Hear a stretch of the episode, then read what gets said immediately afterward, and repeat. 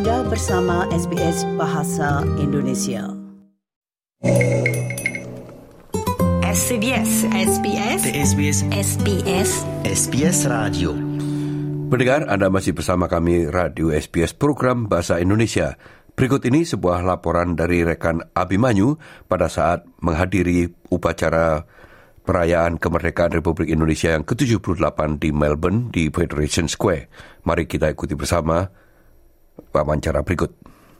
Mas sebelumnya terima kasih sudah mau diwawancarai dengan uh, eh, SBS pada hari ini ya dalam rangka kemerdekaan ini. Tapi boleh dikenalkan dulu masnya siapa? Ya, saya Yasni, saya mahasiswa PhD di Monash University Australia. Uh, sengaja datang ke sini untuk merayakan semarak uh, kemerdekaan Indonesia dan sangat terharu banget lah bisa ngumpul dan bisa menyaksikan tadi pengibaran bendera Indonesia. Ini berarti Mas yang pertama kali ya untuk yang di merayakan hari ulang tahun Indonesia di Melbourne ya? Ini yang kedua kali. Yang pertama pada tahun 2019 sebelum pandemi pada saat itu dan cukup semarak juga. Ada juga tarian-tarian pada saat itu, ada festival, cukup rame dan sekarang sepertinya yang rame juga ini pasca pandemi. Ya, dan ini yang kedua kalinya. Kalau mungkin dari pengalaman Mas ya, yang pertama kali di 2019 sama yang kembali sekarang merayakan lagi di tahun 2023, ada yang membedakan nggak Mas? Eh, iya, dari segi eventnya sih ya. Kalau sebelumnya itu selain kita apel di lapangan KJRI, terus selanjutnya disambung lagi di eh, untuk pengibaran bendera di sini. Dan setelah itu ada lagi festival-festival lain, ada tarian, pengenalan budaya Indonesia yang tidak cukup dengan sekedar pengibaran bendera saja. Dan sepertinya kalau momen tahun ini cocok untuk warga Indonesia, tapi ketika memperkenalkan untuk warga yang non Indonesia, sepertinya mereka juga tidak begitu menikmati karena mungkin terlalu rigid ya kalau sebatas apel saja dan mereka perlu seharusnya mendapatkan sesuatu take away dari momen ini dan bisa mengenal Indonesia lebih dalam lagi dan lebih jauh lagi. Bukan hanya sebatas pengibaran bendera. Mungkin itu ya perbedaannya gitu. Tapi dari segi uh, semangatnya saya merasakan semangat itu tetap sama, cukup terharu, cukup bersemangat juga. Saya sangat merasakan ya apa ada gelora, gelora semangat kemerdekaan dan juga ada kebanggaan. Terlebih lagi saya ke sini juga dengan menggunakan scholarship dari pemerintah Indonesia yakni LPDP itu menjadi satu kebanggaan juga untuk Indonesia. Dan hari ini saya sengaja datang ke sini sendiri walaupun ini hari aktif. Saya break sebentar dari studi saya. Tadi lagi ngerjain tugas dan saya ingin merasakan semangat itu Tadi kan sempat nyinggung-nyinggung nih kalau misalnya uh, perlu ada kayak take away ya gitu kan ya, dari ya. itu kan. Nah mungkin untuk bisa jadi mungkin saran untuk event tahun depan. Mungkin take away-nya tuh maksudnya apa tuh? Bisa lebih dijelasin nggak? Iya, saya sih berharap ya kalau misalnya hal si sederhana hal simpel aja. Misalnya kalau ada foto-foto eh, kayak poster-poster kecil-kecil gitu yang bisa dilihat bagaimana perjuangan Indonesia gitu ya.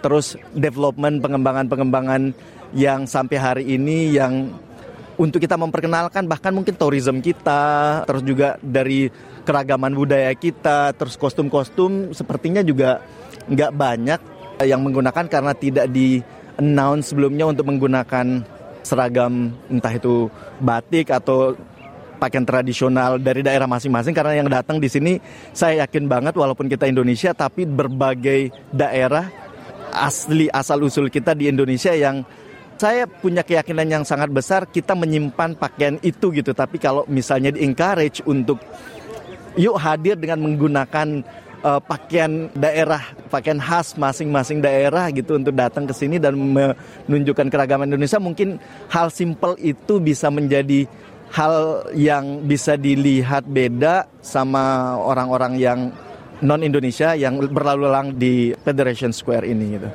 Hal simpel itu sih mas. Dan setidaknya ketika melihat sesuatu yang unik gitu, orang at least akan nanya, what is it gitu atau mungkin ini lagi ngapain atau ini ada apa dan itulah bagian dari cara kita untuk mempromosikan atau itu menjadi momen untuk kita bisa memperkenalkan lebih, lebih lanjut lagi kayak gitu.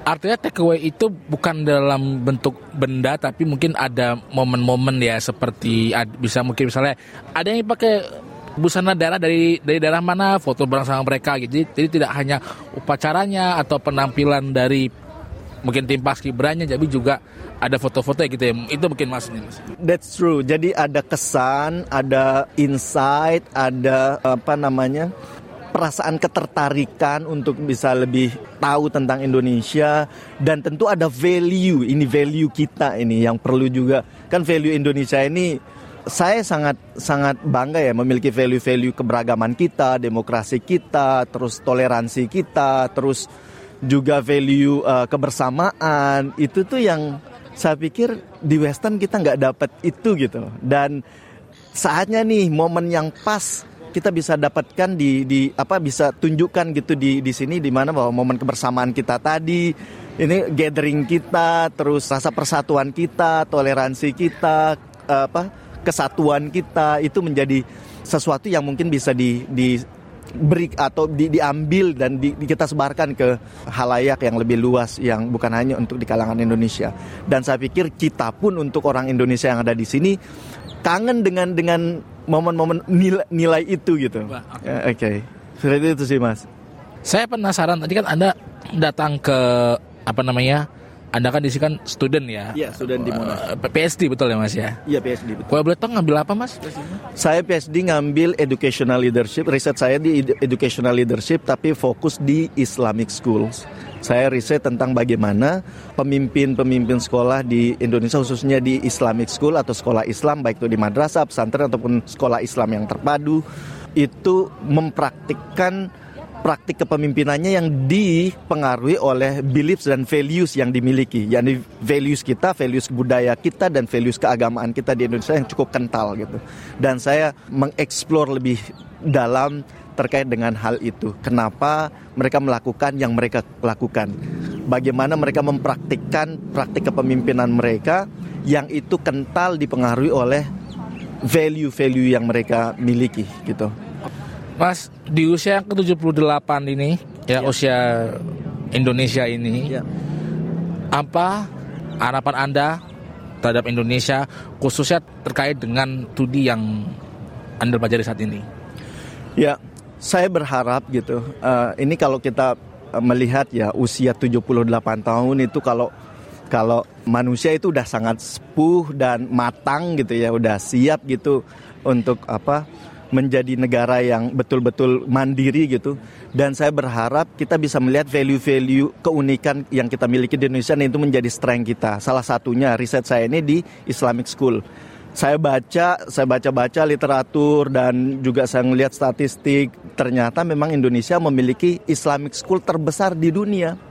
Hanya saja belum banyak yang melihat dan mengembangkan itu lebih oh. dalam lagi gitu. Riset riset riset kita itu justru dikembangkan apa riset-riset yang terkait dengan Islamic school, religious school itu justru dikembangkan oleh orang-orang dari luar Indonesia. Sementara kita belum melihat lebih dalam lagi keunikan tersebut.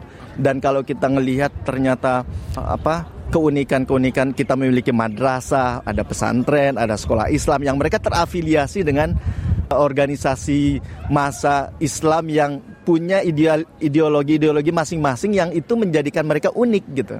Jadi pesantren ataupun madrasah di NU dan di Muhammadiyah ataupun di eh, non NU Muhammadiyah sekalipun mereka punya keunikan masing-masing dan itu perlu kita tahu gitu. Perlu kita cari tahu lebih dalam lagi tentang keunikan-keunikan tersebut yang bisa menjadi value lebih dan kita inform kepada apa namanya scholars di seluruh dunia bahwa kita punya sesuatu yang mungkin bisa dipelajari dan bisa kita share.